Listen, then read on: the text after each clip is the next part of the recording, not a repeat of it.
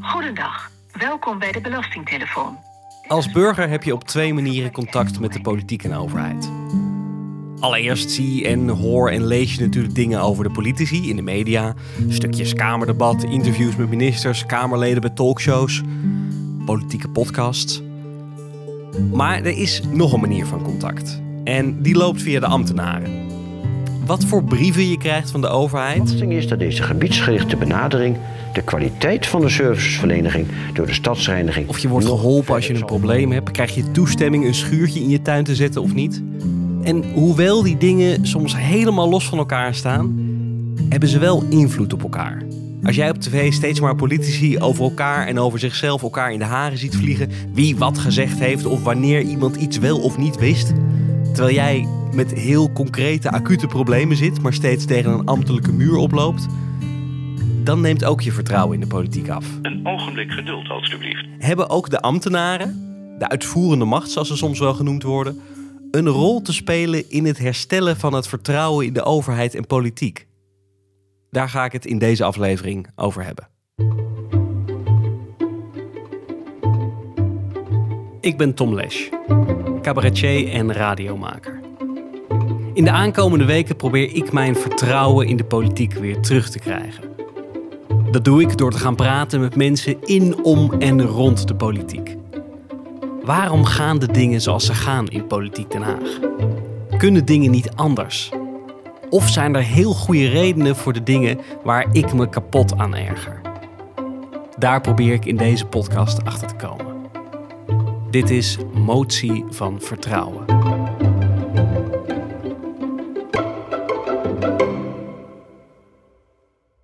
Als het de afgelopen paar jaar over de uitvoering ging, dan ging het onvermijdelijk over het toeslagenschandaal. Het probleem zat overal, ook in de politieke leiding, ook in de Tweede Kamer, ook in de rechterlijke macht. Maar ook voor een deel bij ambtenaren van de Belastingdienst, die op eigen houtje de fraudebestrijding veel te extreem en op een verkeerde manier aanpakt.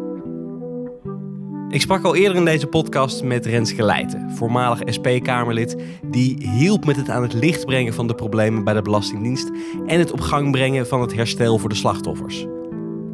Ik had het met haar ook nog over of de Tweede Kamer eigenlijk wel genoeg grip heeft op die vierde macht, op de uitvoerende ambtenaren.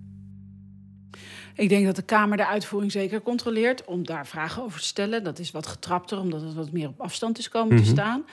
Daar zijn soms goede redenen voor en soms is dat te ver van afgegaan. Wat je heel veel ziet is dat er dan wordt gezegd... we gaan niet in op individuele gevallen. Ja, Maar het is een politieke keuze of jij een individueel geval wil zien als een voorbeeld voor de uitwerking van beleid van een hele groep. Of dat je ziet of dit inderdaad, nou ja, er is iets fout gegaan bij, eh, bij Renske thuis en dat staat niet voor een grotere groep. Ik heb in mijn Kamervragen over individuele gevallen altijd, maar dan ook werkelijk altijd de analyse gemaakt: is dit één iemand of staat dit voor meer? Uh, en dat konden we doen omdat we nou ja, onderzoek deden, omdat ik rond kon bellen, omdat we hulpdiensten hadden in het land en noem maar op. Dus ik wist dat altijd. Maar mij werd wel verweten dat ik dan aan incidentenpolitiek deed. Mm. Terwijl ik vond dat ik dan juist de uitvoering aan het controleren was. ja. En je hebt als politiek de opdracht om het voor mensen beter te maken. Dat vind ik echt, dat dat de opdracht van de politiek is. Uh, en dan hoor je dus te weten hoe het met de mensen gaat. En daar heb je verschillende uh, uh, lagen in de bevolking.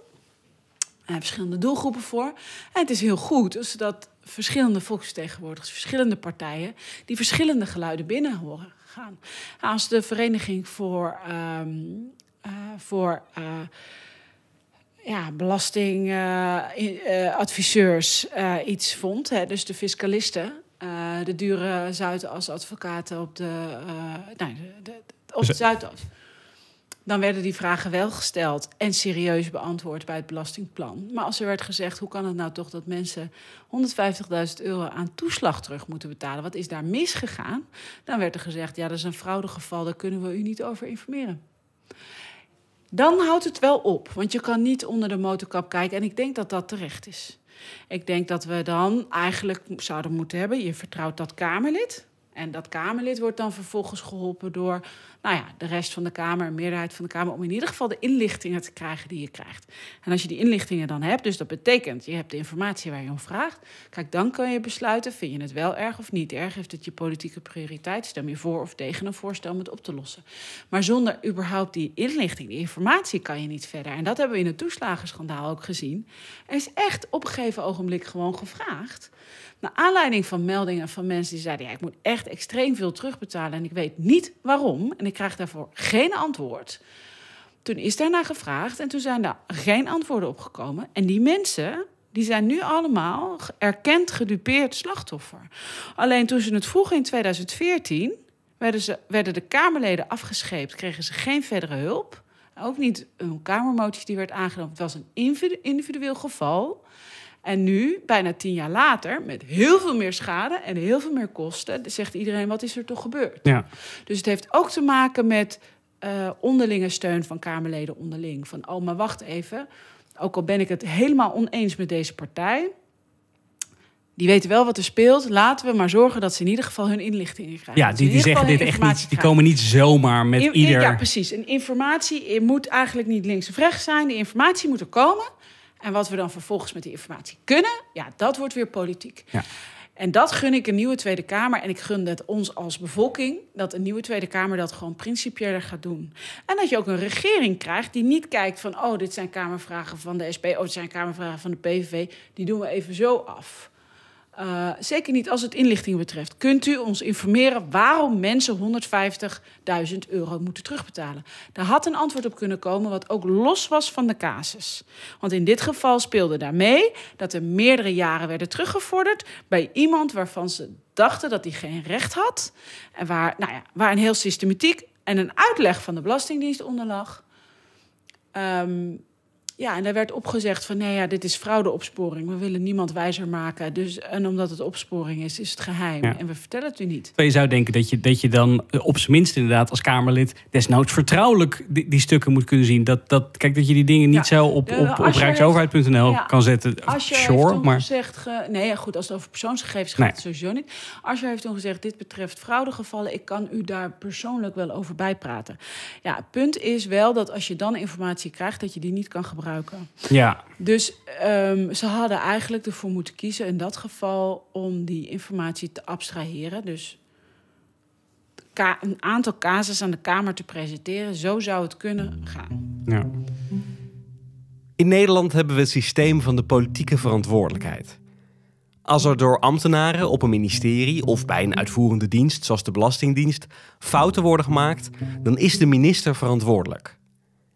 Maar soms leidt dat tot de gekke situatie dat een bewindspersoon af moet treden om een fout die hij of zij niet gemaakt heeft, waar ze zelf niet bij waren, geen toestemming voor heeft gegeven en zelf ook pas net van gehoord heeft. En soms wordt de beeldvorming dan ook nog dat de fout die gemaakt is een bewuste politieke keuze was. Zou je in zo'n geval niet eigenlijk niet de minister of staatssecretaris, maar de hoogste ambtenaren naar de Kamer moeten kunnen halen. Ik denk niet dat het een goed idee is, omdat je niet wil dat die rol van ambtenaar of superambtenaar of topambtenaar gepolitiseerd wordt. Tegelijkertijd is die rol nu gepolitiseerd. Dus dat is wel het lastige. Maar waarom zou dat gepolitiseerd? Want alles wat over beleid gaat, kijk, alles waarvan je nou, zegt... Omdat je als Kamer... Uh, kijk, grondwettelijk is het nu zo dat de Kamer alleen een relatie heeft met de bewindspersoon. Ja. Dus voor de Kamer, uh, grondwettelijk bestaan ambtenaren niet. Dat wil niet zeggen dat ze niet zijn, want ze zijn er. Ze doen belangrijk werk. Um, uh, maar als het dus gaat over de rol, en we werken ook allemaal voor het algemeen belang.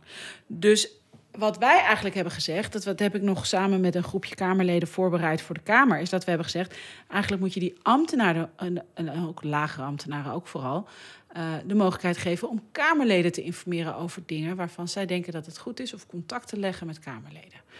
Waardoor dat niet allemaal langs die topfiguren hoeven, die ook misschien wel andere.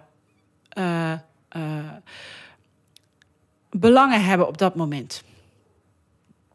Eigenlijk zou je willen, dat zou ik zeggen. Ik zou niet, ik zou niet zeggen, stuur maar andere mensen dan een bewindspersoon naar de Kamer.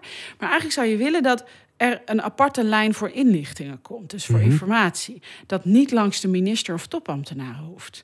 Dus op het moment dat jij Kamerlid zou zijn en je zegt: Ik wil het. eh, Uitstootschema wat we kennen van eh, snelweg X, Y, Z, eh, daar en daar in die, in die polder. Dan vraag je dat op en dan krijg je dat. Dat hoeft dan niet afgetekend te worden in de lijn, zoals dat heet. De parave lijn op een ministerie. Dat betekent dat een ambtenaar die bereidt die kamervragen voor. die- Dan hangt het, en dan iedere keer gaat het naar een, een, een directeur en nog een hogere directeur, dan een andere directie en dan naar de SG, dan naar de minister in de tas van de commissie. En iedereen tekent het af, maar in die lijn kan het ook iedere keer weer teruggestuurd worden. Terwijl als het om informatie gaat, dit is gewoon feitelijke informatie in principe. Die Ja. hoor je op te vragen. Dus en eigenlijk zou je willen dat dat dan niet langs een minister hoeft. Kijk, dat een minister weet wat er naar de Kamer gaat, dat zou ik als minister of als bewindspersoon ook nog wel willen weten. Maar ik zou het niet meer willen beoordelen. Nee, omdat dan- je er gewoon, jullie hebben met z'n 150 daar gewoon recht op. Precies. Dus, En dan zou je denk ik ook, zou je nog een stap verder moeten zetten. Zou je zeggen van, in principe in de transparante overheid zijn dit soort documenten gewoon opvraagbaar. Dus er is een, ergens een databank van welke documenten bestaan er. En jij zegt, hé, hey, ik wil dat document hebben. En jij kan dat bij wijze van spreken digitaal aanvragen en flup, het zit in je mailbox. ja, in Noorwegen of Denemarken waar ze dat ook doen, volgens en mij. dat zijn geen apenlanden, hè? Nee. Dus dat zijn prima functionerende democratieën, dat kan gewoon. Eh, en dan zou je ook weer, krijg je ook weer minder politisering van zo'n WO of zo'n WOP of artikel 68. Dat zou echt heel veel schelen. Nee, kijk, ik denk dat het niet goed is als Kamerleden eh, uiteindelijk gaan over het functioneren van ambtenaren. Dat, eh, eh, dat, dat, dat zou niet goed zijn. Want? Ehm, omdat daar ook politiek mee kan spelen en omdat je niet alles weet. En omdat het wegsturen, het vertrouwen hebben in een minister of in. Dat, dat, dat heeft te maken met de relatie die een Kamerlid, een Kamer heeft met een minister. En daar kan het vertrouwen wegvallen. Ja. En dan moet je iemand kunnen wegsturen. Maar als je dus meerdere mensen hebt met wie je... dan zou, je- zou je bij wijze van spreken een SG kunnen wegsturen... maar de minister laten zitten. Dat is raar, want die minister is ook verantwoordelijk voor die SG. Dus dat, dat, dat- ik, ik zie hem niet. Maar wat ik wel verstandig zou vinden... is dat ambtenaren kunnen worden getoetst op hun werk... en op hun integriteit. Al dan niet strafrechtelijk. En dat kan nu niet. Maar is dat niet... Dat, dit vind ik bijzonder. Als Dit, is bijna, dit voelt als een stap verder. Dan, Nee, nee, nee, nee. Want dan wordt er. Kijk, dan wordt er, dan wordt er door een rechter naar de feiten en de omstandigheden gekeken. Dan heeft iemand een eerlijker positie om zich te verweren. En die rechter beslist dan over of er wel of geen ver- overtreding is. En niet over of er wel of geen positie is. Dus Maar- het is toch anders. Maar want, ik, ik, ik zit nog te zoeken naar wat, wat dat die rol van zo'n SG dan zou politiseren. Want volgens mij zou je best. eh, eh, ik, ik bedoel, het zal best wel gebeuren dan in een debat dat, dat er toch een poging gedaan wordt. Maar dan kan, kunnen dingen weer terugverwezen worden. Dus als een Kamerlid dan bij, bij de SG. Stel dat de SG die staat, staat in, in het gaat in principe over de uitvoering. En dan komt iemand toch met een politiek idee. Dan kan hij zeggen: dat is beleid, niet- daarvoor moet je bij de minister Ja, zijn. het is niet te scheiden, want op het moment dat je dan vraagt van... goh, eh, beste SG op justitie, bij politie... eh, hoe gaat het met de boete uitschrijven? Vindt u niet dat u te streng bent? En ja, dat, of het streng of niet is, dat is een politieke uitspraak. En dan zou je debatten enorm moeten opknippen en dat gaat ook niet. Ja. Dat gaat uiteindelijk niet. Nee, kijk, ik denk dat het gezond... Kijk, ik ben niet voor een enorme strafhetsen binnen, binnen ambtenarenland. Laat me daarover eerlijk zijn. Maar dat bijvoorbeeld met de aangifte die is gedaan tegen de Belastingdienst door het eigen ministerie... wordt gezegd, wij kunnen hier niet verder, want ja... eh, pik meer arresten, eh, het is te vaag. Er zijn ook aangifte gedaan tegen ambtenaren. En die zijn, a- zijn geseponeerd. Er is nog een Hoge Raad onderzoek geweest. Want ouders gingen daar tegenin eh verweerd. Toen heeft de Hoge Raad eigen onderzoek gedaan. Wat minder diepgravend is als de OM het doet. Maar waarbij zij zeiden van wij hebben nu niet de aanwijzing dat er strafrechtba- strafrechtelijke feiten zijn gepleegd. Maar als wij het OM zouden vragen dat onderzoek te doen, dan zou de Belastingdienst direct kunnen zeggen dat het, eh, eh, dat het niet in behandeling kan worden genomen, want ze gaven alleen maar uitvoering aan beleid. En daar is zit natuurlijk iets wat schuurt. Ja. Want er gaan ook in de uitvoering van beleid soms dingen mis. En op het moment dat je weet dat het misgaat, en op het moment dat het wellicht voor een rechter al een keer gesneuveld is en je houdt die werkwijze toch in stand, dan is het niet die kleine uitvoerder die dat doet, maar de hoogste baas die dat tolereert, volgens mij wel degelijk goed als daar wordt gekeken of dat niet nou ja, misbruik van macht is of wat dan ook. Uh, of dat niet, zeker als dat een gevolg heeft in persoonlijke levens. En dat kan u niet. Nee, nee want dat is natuurlijk het en macht dat vind ik En, en dat, vind, dat zou ik wel goed vinden als we dat wel gaan doen. Eigenlijk zei de Hoge Raad dat ook. Naar aanleiding van die artikel 12-procedure op de aangifte van mensen in de toeslagenschandaal. Ja. Van ja, dat is aan de politiek om dat te repareren. Want het, het maffe is natuurlijk wel inderdaad dat, dat nu juist wel ook de dingen inderdaad die de, uh, slechte uitvoering van beleid, zeg maar, nog even los van wat voor mening je over het beleid hebt. Maar dat die ook onder de politieke verantwoordelijkheid van de. Van de en dan krijg je weer een, een staatssecretaris die inderdaad aftreedt over een, uh, een uitvoeringsding. In zekere zin. En dan komt er een nieuwe staatssecretaris. Die, die topambtenaren die zitten er nog steeds. Ja. What's nou ja, changed? Wat, ik, wat ik eigenlijk nog best wel bizarder vind, is dat toen Menno Snel opstapte bij de Belastingdienst als staatssecretaris, toen zei hij er is nog veel meer. Nou, toen vroegen we meteen van wat is dat dan? Dat briefje is pas drie jaar later een keer als een bijlage naar de Kamer gestuurd. Waarom is dat dan niet meteen transparant? Toen heeft Hoekstra het even, minister van Financiën, toen overgenomen. En die heeft tegen de hoogste ambtenaar gezegd: Ik denk dat jij toch ook maar moet gaan. Dus toen is eigenlijk de hele top van het ministerie vervangen. Ja. Er kwamen twee staatssecretarissen, er kwam een andere DG-structuur, een andere dik. Want ja, als je alleen toeslagen hebt, dat is toch te veel. En dan kan je dingen niet in elkaar houden. Dus echt. En nog staan er nu dingen in de krant. Wij nemen dit nu uh, eind september op. Staan er weer dingen in de krant over zaken die nog altijd niet zijn opgelost. En ik snap dat niet. Ik snap niet dat je dan niet als dienst zegt. Wij maken een intern onderzoeksgroep. Die gaat alles nu onderzoek, gaat alles opbiechten. Iedereen is toch al gesneuveld. We willen nu schoon schip maken, want het is beter voor het vertrouwen in de dienst, voor onze werkzaamheden, voor het vertrouwen in de politiek en voor het herstel van de mensen die nadeel hebben ondervonden. En je kan dus vaststellen dat je eigenlijk vier jaar na het vervangen of het wegsturen, hij is niet, hij is opgestapt Ja. uh, van Menno Snel, het daar feitelijk nog niet is veranderd. En dat is wel iets engs, toch? Ja. Dat is niet oké. Dus, ehm, en wat moet je... Er moet niet hebben dat Kamerleden per moties allerlei mensen kunnen ontslaan. Maar je zou willen dat er een intrinsieke motivatie was... bij zowel bewindspersonen als heel kabinet... als ook top van diensten...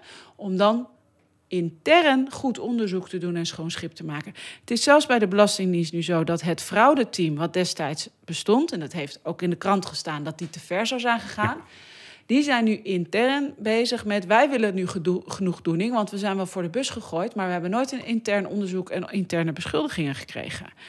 En ergens snap ik dat ook nog van die ambtenaren. Want die hebben ook jarenlang in die dienst gewerkt. Die hebben echt gedacht dat wat zij deden moest. Die Ja. hebben daar ook iedere keer politieke klopjes voor op hun schouder gekregen. Krijgen nu de zwarte piet, maar er wordt niet opgeruimd. Ik denk dat ze fout handelden. Maar het is goed dat ik daar niet over ga. Uiteindelijk had de Belastingdienst natuurlijk al dat moeten afwegen. En met die mensen ook moeten kijken van hoe gaan we dit doen? Ga jij weg? Uh, uh, krijg je ontslag? Uh, moeten we je naar een andere baan? Kan je nog intern blijven? Maar er is nooit opgeruimd. En dat is niet goed. Dat is echt heel slecht. Vooral voor ons als samenleving en het vertrouwen in alles eigenlijk. Ja, omdat je, omdat je dan inderdaad ziet dat er, dat er toch inderdaad te weinig gevolgen aan. En dat je denkt, nou oké, het, kan Ja. dus, het maakt dus niet zoveel uit en het kan zo weer gebeuren. En, en in dat toeslagenschandaal wordt er ook gezegd heel vaak... ja, maar het lag ook aan de Kamer en het lag ook aan de cultuur... en de Bulgarenfraude en kijk eens hier, kijk eens daar. En het is allemaal waar dat de Kamer en dat de cultuur in de samenleving... de tendens in de samenleving op dat moment was... fraude tolereren we niet, hij moet hard aangepakt worden. Dat heb ik zelf ook wel gezegd. Maar niemand heeft ooit gezegd... maak mensen zonder enige mogelijkheid van verweer tot fraudeur... en geef ze nooit meer dienstverlening van de overheid. Dat staat nergens in geen enkele wet. Nee, maar dat Dus, hele, dus, dat, dat, dus dat, dat, en als dat de uitkomst is, de optelsom is van allerlei dingen, dan hoor je op een gegeven moment, vind ik, als uitvoeringsdienst je vinger op te steken en te zeggen: wij kunnen ons werk niet doen, want we maken mensen kapot. Ja. Maar ze wisten dat ze mensen kapot maakten. Ze wisten het. En ze grepen niet in. En dat vind ik wel eng, dat er dan niet wordt ingegrepen. En dan kan je niet meer naar de politiek kijken en eigenlijk ook niet meer naar de top van het ministerie. Dan zit dat in zo'n organisatie om dat op te lossen. En als er dan wel de jacht wordt geopend op klokkenluiders, wat is gebeurd, en niet op degene die, nou ja, dingen voortzetten waarvan bekend is dat ze grote schade berokkenen, dan heb je verkeerde cultuur intern. En dan hebben we eigenlijk een veel groter probleem dan wanneer er een bewindspersoon is die incapabel is of onderbuikbeleid maakt. Want dan zijn we daar nog bij en dan staan er nog camera's op. En dat, dat vind ik wel echt heel zorgelijk als het gaat over de Belastingdienst. Ik gun de Belastingdienst zelf in eerste plaats een betere cultuur.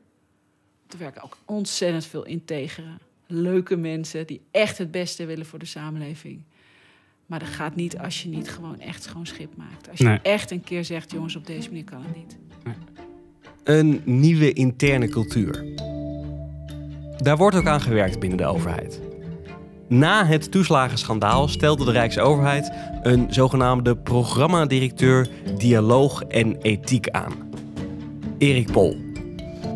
Hij kreeg de taak het gesprek op gang te brengen onder ambtenaren over wat voor ethische grenzen je als uitvoering eigenlijk te bewaken hebt. En hoe je dat doet. En misschien wel de meest fundamentele vraag die hieronder ligt: voor wie werkt de ambtenaar eigenlijk? Als ambtenaar zweer je of beloof je dat je op een bepaalde manier zult functioneren.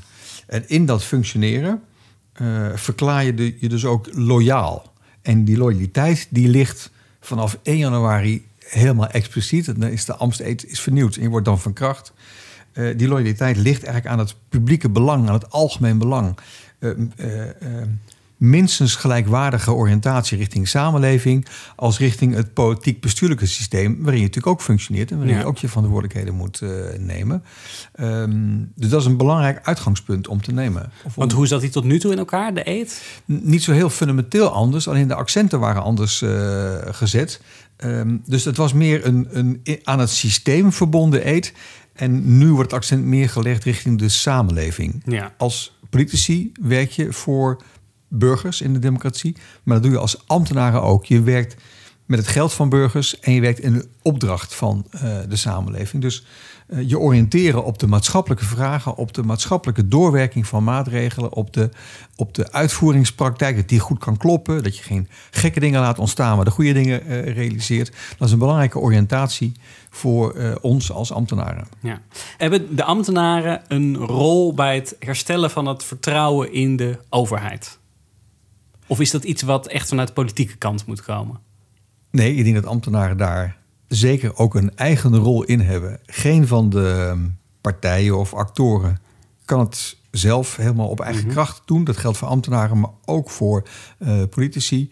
Eh, en ook voor bestuurders. Hè. Als je het hebt over benoemde bestuurders en gekozen politici... kun je ook weer verschil eh in maken.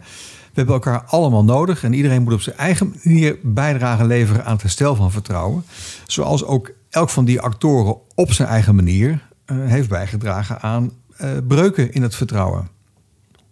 Ja. En op welke manier zouden, zouden ambtenaren... Op welke manier moeten ze dat invullen, die, die rol die ze hebben?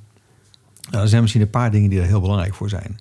Ik vind het zelf heel belangrijk dat je als, eh, als ambtenaar in elk geval de juiste kennis inbrengt en blijft staan voor de juiste kennis. Ehm, dat je dus ehm, vanuit een bepaald vakgebied of vanuit wat er in de samenleving feitelijk aan de hand eh, is, dat je die werkelijkheid niet ontkent in wat je doet en daarvoor staat. Eh, dat is een hele cruciale rol eh, die niet gemakkelijk is om die te vervullen. Ook allerlei moeilijkheden heeft gekregen de afgelopen jaren, kun je zeggen. Dus dat is dat is een belangrijk onderdeel daarvan. Ja. Want dat kan betekenen dat je in sommige gevallen misschien tegen je politieke leiding in moet gaan. Als die twee, als die twee dingen elkaar bijten. Ja, maar ik zou eerst zeggen dat je dus ergens voor gaat staan. Je gaat Ja. gewoon staan voor de werkelijkheid. En eh, het kan best zijn dat de politiek tegen de werkelijkheid in wil gaan, maar dan gaat die tegen de werkelijkheid in. Ja.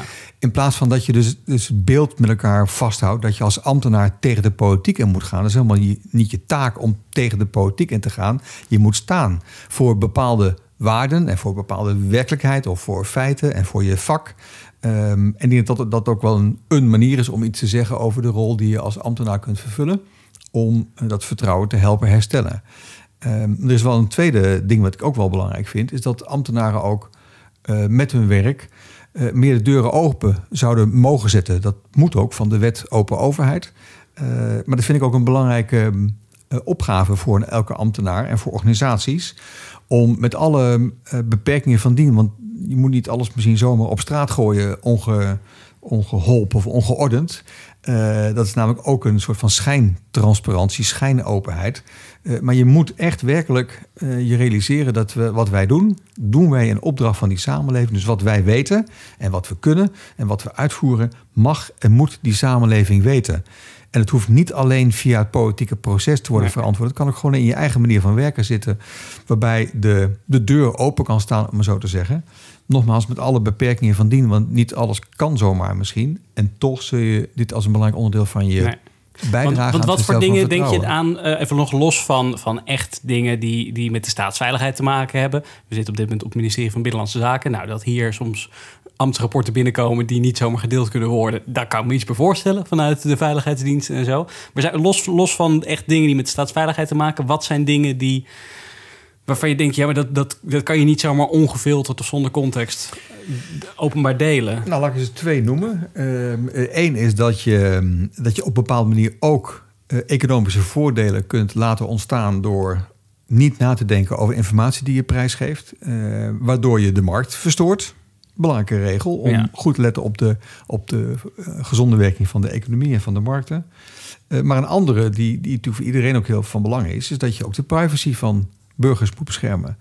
Um, en dat betekent, uh, voor degenen die een beetje in ICT zitten of in de AI zitten, die weten dat ook heel goed, dat elke handeling als zodanig hoeft niet een probleem te zijn voor de privacy, maar drie verschillende handelingen van drie verschillende departementen kan maken dat je in de combinatie van die drie dingen nieuwe informatie boven tafel kunt krijgen die je op persoon op huisnummer kunt uh, traceren. Waardoor je eigenlijk onbedoeld toch privacy schendt. Ja. Uh, dus dat is, een, dat is in deze tijd echt een belangrijke factor om er goed naar te, naar te kijken.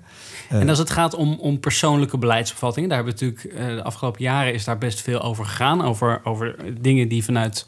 Nou ja, vanuit ministeries niet gedeeld konden worden, grotendeels zwart gelakt. En dan ging het allemaal over de persoonlijke beleidsopvattingen van ambtenaren. Dat was eigenlijk ter bescherming van de ambtenaar. Nou, het was in elk geval was dat het argument wat veel ja, gebruikt ja, is. precies. Dat, de... de persoonlijke beleidsopvattingen, dat, dat het dan daarom zou, uh, zou gaan. Nou, ik denk dat er um, niet zoveel persoonlijke opvattingen zijn van ambtenaren die relevant zijn. Dus als je als ambtenaar in je werk een opvatting formuleert, is dat eigenlijk altijd in functie. Ja. Dus in zekere zin is het altijd aan de orde dat het een En dus eigenlijk misschien wel dat staan voor de, voor de werkelijkheid. Van, van joh, jongens, ik, ik snap dat de minister dit verzonnen heeft, maar dit kan niet, want X, Y, Z en uit het rapport ja. zoveel blijkt dat dat gewoon niet waar is. Ja, dus, je, dus, dus als je eerst staat voor je vak en voor je, en voor je rol misschien wel, ja. of voor de taak of voor de klus die je te doen hebt, en vanuit die klus je opvattingen geeft, hoeft dat niet per se de opvatting te zijn van de hele organisatie, maar wel van het onderdeel waar je bij hoort. Ja. Waar ik niet zo. Um, wat niet zo'n niet zo'n niet zo'n trend is, kun je zeggen, ook niet zo, niet zo vaak voorkomt, is dat iemand individueel in zijn uppie in een nota een mening formuleert. Nee. Dat gebeurt niet zo vaak. Dus, dus daar praten we eigenlijk helemaal niet over. Dat kun je ook prima in een persoonlijk gesprek uh, kwijt. Um, uh, je praat eigenlijk over um, iets wat iemand vanuit zijn functie met zijn team of zijn directie of directoraat-generaal zou willen uh, inbrengen. En dat zou kunnen ingaan tegen de lijn van de politieke opdracht of van een akkoord of wat ook maar. Omdat je dat vanuit je zelfstandige verantwoordelijkheid ook relevant vindt om, uh, om in te brengen. Ja, want het gaat dan dus om je, om je vak inhoud, niet om inderdaad. Kijk, als ambtenaar heb je natuurlijk, je bent ook burger, je hebt ook politieke opvattingen, je stemt ook, zeg maar. Het gaat vaak natuurlijk niet daarom, maar over. Uh, nou ja, of, of, iets, of iets haalbaar is, of iets niet indruist ja. tegen wetten, verdragen, uh, of het niet bij de rechter sneuvelt, al dat soort dingen. Ja, en dat zijn, dat zijn nooit wiskundige formules. Hè? Nee. Dus je zult altijd te maken hebben met een, uh, laat ik zeggen, een professionele inschatting van de persoon in kwestie of van het team in kwestie. Dat kun je vertalen naar een persoonlijke opvatting, maar het is eigenlijk een professionele opvatting waarin veel harde kennis en zachte kennis bij elkaar wordt gebracht in een advies waarbij je inschat wat er gaat gebeuren met een bepaald plan of met een bepaalde regel of, of hoe je denkt dat een bepaalde oplossing kan worden georganiseerd. Want wat het, waarom ze er waarschijnlijk vanuit de politiek uh, lange tijd wat, wat angstig voor zijn geweest, is dat, uh, nou, stel de minister wil, wil iets, of er is in het, in het coalitieakkoord na lang overleggen iets besloten, en dan is er een uh, ambtenaar of een groep ambtenaren die zet op de mail van, maar jongens, dit, dit kan helemaal niet. Stel die mail die komt bij de, bij de Kamer te liggen. Dan weet je natuurlijk al wat er gebeurt. Dan staat in het eerstvolgende debat een Kamerlid hier. Zelfs de ambtenaren van het ministerie zeggen dat het niet kan. En deze minister die wil dit toch doordrukken. Terwijl het ingaat tegen zijn eigen ambtenaren. En dan kan je als, als politiek, je kan niks meer. Nou, je kunt de werkelijkheid niet ontkennen. Dus Nee, als je precies, doet wat ik, wat ik bepleit, namelijk Ja. je staat gewoon voor hoe het is. En eh, even uit je vak of vanuit eh, onderzoek of vanuit wat je in de samenleving hebt opgehaald. Of vanuit je ervaring, dat je weet dat bepaalde dingen wel of niet kunnen. Of dat bepaalde tijd nodig is om dingen te doen. Dan sta je daar gewoon voor. En ja, dat is dan aan de politicus of aan het bestuur om daar dan eh, in het politieke circuit een conclusie aan te verbinden. Want dat is ook wel een belangrijk punt om te, om te zeggen. De echte conclusies worden natuurlijk getrokken door bestuurders en door politici, Ja. niet door ambtenaren. Die, die kunnen informatie aanreiken. Dat kan wel heel dicht tegen de conclusie aanzitten, of dat, die kan misschien voor de hand liggen. Maar de conclusie vertalen in een besluit en in een maatregel, dat blijft u toch een verantwoordelijkheid van bestuur en van politiek, waar je ook als ambtenaar eh, loyaal aan moet eh, zijn.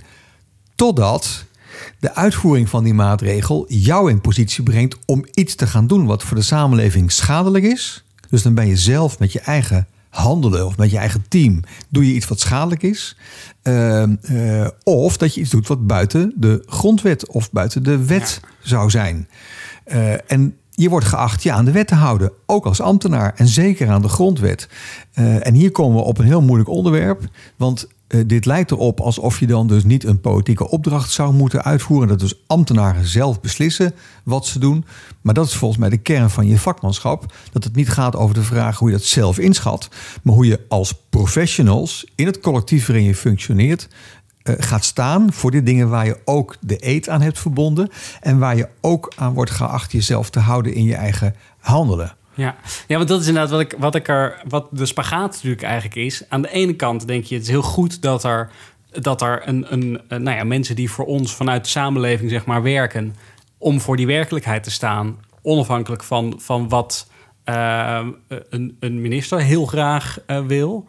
Aan de andere kant wil je ook weer niet dat de, de politici die we gekozen hebben eigenlijk nul slagkracht hebben, omdat ze misschien wel ambtelijk tegen de muur oplopen. Nee, ik denk dat je de goede vraag stelt. En het woord of het getal nul erin ook heel belangrijk is. Want dat komt eigenlijk nooit voor.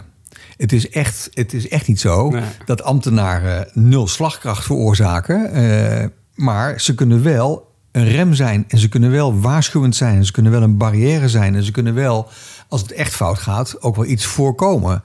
Ehm, maar dat zal dan ook wel heel duidelijk moeten zijn. Dat, het, dat je dan, voordat je als ambtelijke organisatie zegt... nou, met alles erop en eraan... maar dit gaan we echt niet doen... al heb je dat drie keer of 25 keer een opdracht eh, gekregen... dan is er ook, mag je van uitgaan, iets ernstigs aan de hand.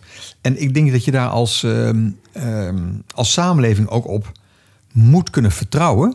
dat de ambtelijke dienst dat ook in redelijkheid zal bepalen. En daar dus geen gekke dingen in zal doen. Dat is ook een van de redenen waarom ik denk dat, je als, dat we als ambtenaren ook behoorlijk open en transparant moeten zijn over onze manier van werken. Dat dat ook een manier is om verantwoording af te leggen voor ja, de keuzes die je maakt en voor het werk wat je eh, vormgeeft. En ehm, dat betekent ook dat je, dat je dus altijd kwetsbaar blijft voor, eh, voor kritiek. En dus ook altijd zult opletten dat je het goede blijft eh, doen. En niet op eigen agenda's zit te werken Ja. en een persoonlijke voorkeur ontwikkelt. Ik ben, ik ben wel benieuwd ehm, in, in die, nou vanuit het idee van als, als ambtenaar, ambtenaren werk je voor de samenleving. Heb je dus niet alleen naar, je, naar de politieke top, maar naar de, de samenleving ook te antwoorden. Ehm, ik sprak Renske Leijten over nou, veel dingen rond de toeslagenaffaire. en een van de eh, dingen die zij opperde, die ze, ehm, de, de, connectie tussen Kamer en ambtenaren. Eh, heel lang mocht er natuurlijk überhaupt geen contact zijn vanuit de Ukase Kok. Nou, dat, daar zijn we vanaf inmiddels. Maar ehm, wat zij eh, als, als voorstel, en ik ben benieuwd hoe je daar vanuit die rol naar kijkt.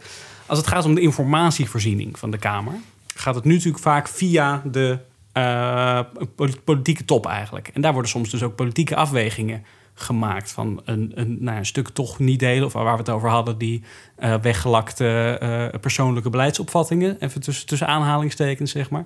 En zij zei, waarom kan, kunnen ministeries, mogen die niet gewoon eh, eh, direct de, de, de rapporten die de Kamer opvraagt, gewoon eh, één op één sturen? Want wij zijn de Tweede Kamer en we hebben daar recht op. Ja, daar ben ik het zeer mee eens.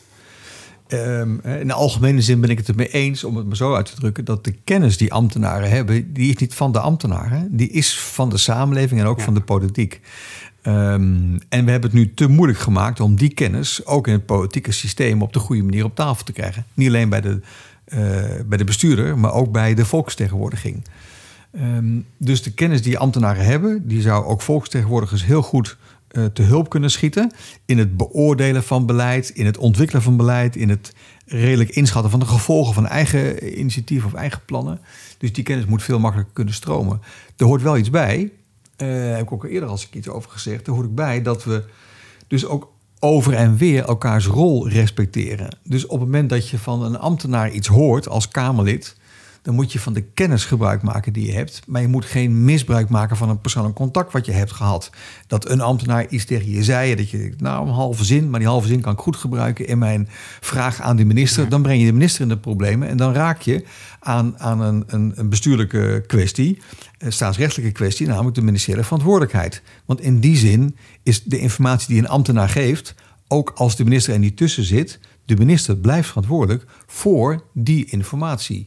Eh, en als dat dan betrouwbare informatie is die overeenkomt met de werkelijkheid of met hoe de feiten liggen of wat, wat in een scenario is uitgezocht of wat ook maar, dan is dat op zichzelf geen probleem. Maar als die informatie politiek wordt gemaakt, dan kom je in een ander spel terecht. En daar moeten dus ook politici en, en, eh, en, en, ja, politici en hun adviseurs geen misbruik van maken. Dus we moeten ook daar een nieuwe praktijk stapje voor stapje waarschijnlijk in opbouwen. Maar het zou zeer ten goede komen aan een goede besluitvorming. Wa- waarom is een minister eigenlijk eindverantwoordelijk voor een ministerie? Ja, dat, dat, Dus niet alleen voor het politieke beleid, maar ook voor, voor wat er, alles wat er op het ministerie gebeurt. nou, je moet in de democratie moet je, moet je mensen kunnen aanspreken op eh, dingen die niet goed gaan. Je moet ze kunnen corrigeren, om het zo te zeggen. En eh, dat betekent dat je dus om die reden de verantwoordelijkheden eh, moet hebben belegd op een plek waar je ze ook kunt aanspreken. Dus je kunt een ambtenaar wel naar het parlement halen. Maar die, maar die ambtenaar die kan vertellen wat hij gedaan heeft. Maar hoe kun je als parlement een ambtenaar op zijn, die op zijn verantwoordelijkheid aanspreken, maar ook sanctioneren als het verkeerd eh, gaat? Dat kan eigenlijk niet. Dat zou wel de baas van ambtenaren kunnen doen. In dit geval dan dus de minister. Ehm, eh, die kan het voor het eigen departement doen. Dus daarom wordt ook het aftreden van een, ambte, van een, van een bestuurder op grond van ambtelijke fouten of ambtelijk falen, wordt in het, in het staatsrechtelijke jargon als een zweepslag geduid. Dus een zweepslag voor de organisatie. Dat werkt minder dan het ooit gewerkt heeft. Dus er is veel te zeggen over het doordenken van deze constructie.